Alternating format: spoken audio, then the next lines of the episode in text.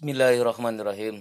Brother yang dirahmati Allah, insyaallah mudah-mudahan kita semua tetap istiqomah untuk senantiasa hanya menghambakan diri kepada Allah Sang Pencipta.